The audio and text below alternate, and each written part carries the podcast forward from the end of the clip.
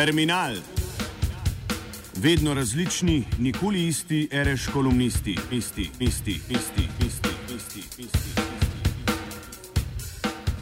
Bodlerovi dobi si je človek, ki se je dolgočasil, lahko pomagal tako, da je zavil v parlament in tam na galeriji prisostvoval razvnetim debatam politikov, katerih besede je tedaj še bila dejanje in je vsaj predrugačevala svet, če ga že ni tudi spreminjala.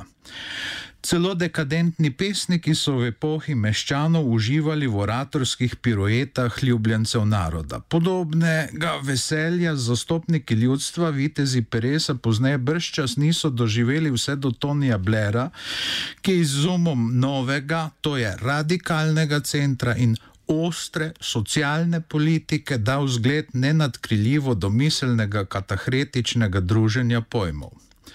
A francoski drugi republiki, ki je potem ko je leta 1848 udejanila enospolno splošno volivno pravico, moč zares položila v roke in usta izvoljencev, je hitro potekal rok trajanja.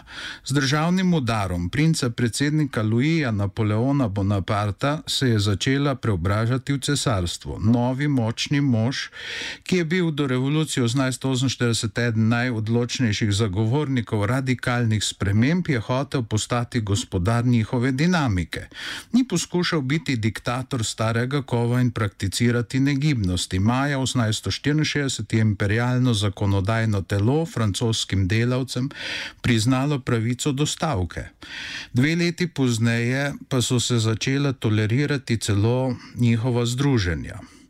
Zato ni čudno, da je Napoleona III. zadev srd tistih revolucionarjev, ki v svojih bilancah razen besed niso imeli v knjiželjih nobenih drugih postavk. Čiste diskurziviste so razburjali trope in figure stvarnosti, ki jih ni bilo mogoče brez preostanka vključiti v noben lingvistični sestav. Stališča ideologije so bili groteskno nesistemski, z gledišča politike nesmotrni, z estetskega vidika pa so postali le prolog žalo igri leta 1870 in tragediji naslednjo pomlad. Dan danes politika ni več tako iskriva, kakor v starih časih. Praviloma je dobro utečen aparat, ki v parlamentu deluje kot niz medsebojno povezanih glasovalnih strojev. Eni si predajajo energijo s soglasjem, drugi z nasprotovadjem.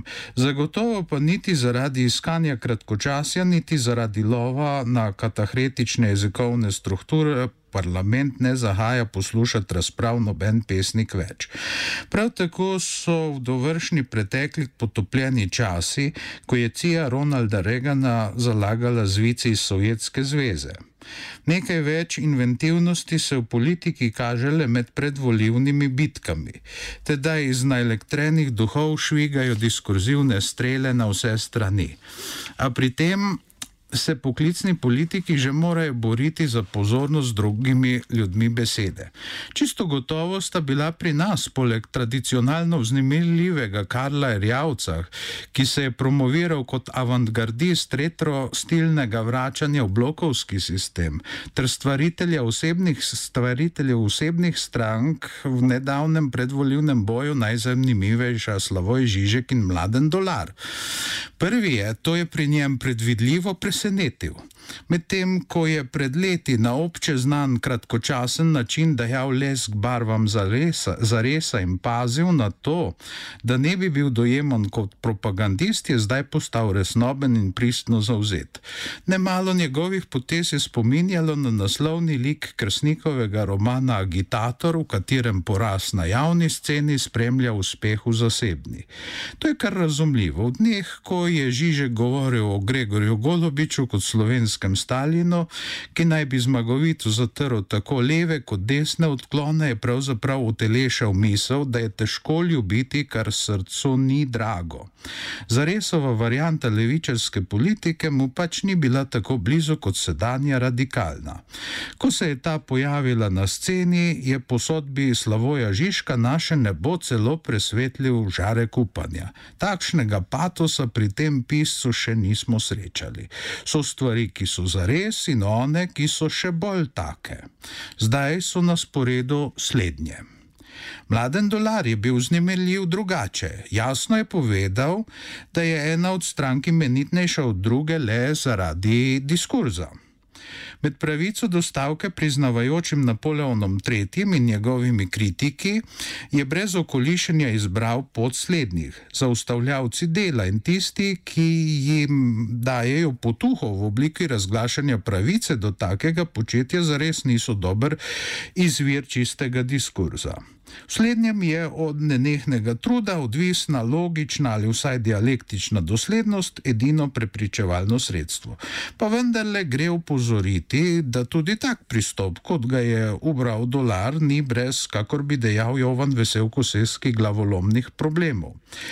Kadar se soočijo čisti diskurzivisti ter usresničevalci Leibnicovskega vodila teorija kompraksi v politiki, še posebej v nespravljivo radikalni, praviloma pretehtajo slednji. Celo Viktor Hugo, ki je princa predsednika in poznejšega monarha samouka imenoval Napoleon Mali, je nad slednjim lahko zmagal samo začasno in še pri tem je imel levji delež železni kancler Otto von Bismarck, ki mu je uspel uspelo sprovocirati vojno med Francijo in nastajajočo Nemčijo. Dan danes namreč v Parizu že izhajajo knjige z naslovom Louis Napoleon Le Grand. Viktor Hugo pa je postal zgodovina in se prelevil v navdih zabavne industrije tudi, da tudi v našem času politika, še zlasti radikalna, bolje kakor v kraljestvu čistega diskurza uspeva v vesolju razsvetljenske paradigme teorija kompraksi, pozarja primer naglo spreminjajočega se gradca. Glavno mesto Štajerske dežele je bilo v 19. stoletju nasprotje na vse strani odprti regionalni metropoli, kakršno poznamo dan danes. V njej je dobila celo pri nas in še marsikje drugje ozloglašanje razglašena stara levica veliko besedo. Komunistična partija Avstrije se lahko pohvali s kar desetimi predstavniki v mestnem svetu, ki ima sicer 48 članov. Zaradi uspehov v Gracu ima ta stranka, ki je drugot v Alpski republiki, ki povsem nepomembna, svoje poslance tudi v Štajerskem deželnem zboru.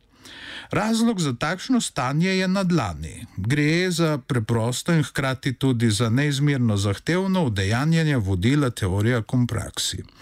Ernest Kaltenegger, ki je bil oče preporoda komunistične partije Avstrije v Gracu, je stanovanje uvrstil med temeljne človekove pravice, nad polovico svojih dohodkov, pridobljenih iz politične dejavnosti, pa je namenil pomoči potrebnim ljudem. Na zadnje je izkazal zaupanje svoji stranki tudi z upokojitvijo in tako demonstriral, da je nima za odvisno ne od osebnosti, ne od njenega kulta. Priljubljen in praktično vse posod spoštovani Ernstl, ki je postal znan kot angel najemnikov, čeprav ni bil niti malo religiozen, se ni zadovoljil z govorjenjem o pravicah do stanovanja ali do kakšne druge stvari. Čisti diskurs mu ni bil dovolj, čeprav po drugi strani tudi ni hotel ponikniti v prakticizmu. Kalteneger, ki je gradec kar neverjetno oddaljil tako od predvčerajšnje, kakor včerajšnje in današnje Slovenije, Slovenije, je v spredje postavil človekovo potrebo.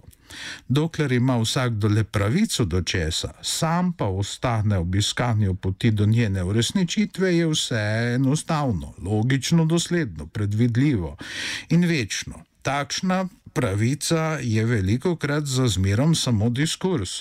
Pri vsakem poskusu ali celo tirjanju njenega uresničevanja pa se lahko reče, kar se toliko krat sliši med samozaverovanimi angliškimi visokoslojneži: That's not cricket. Nešportni terminal je pripravil Igor Grdina.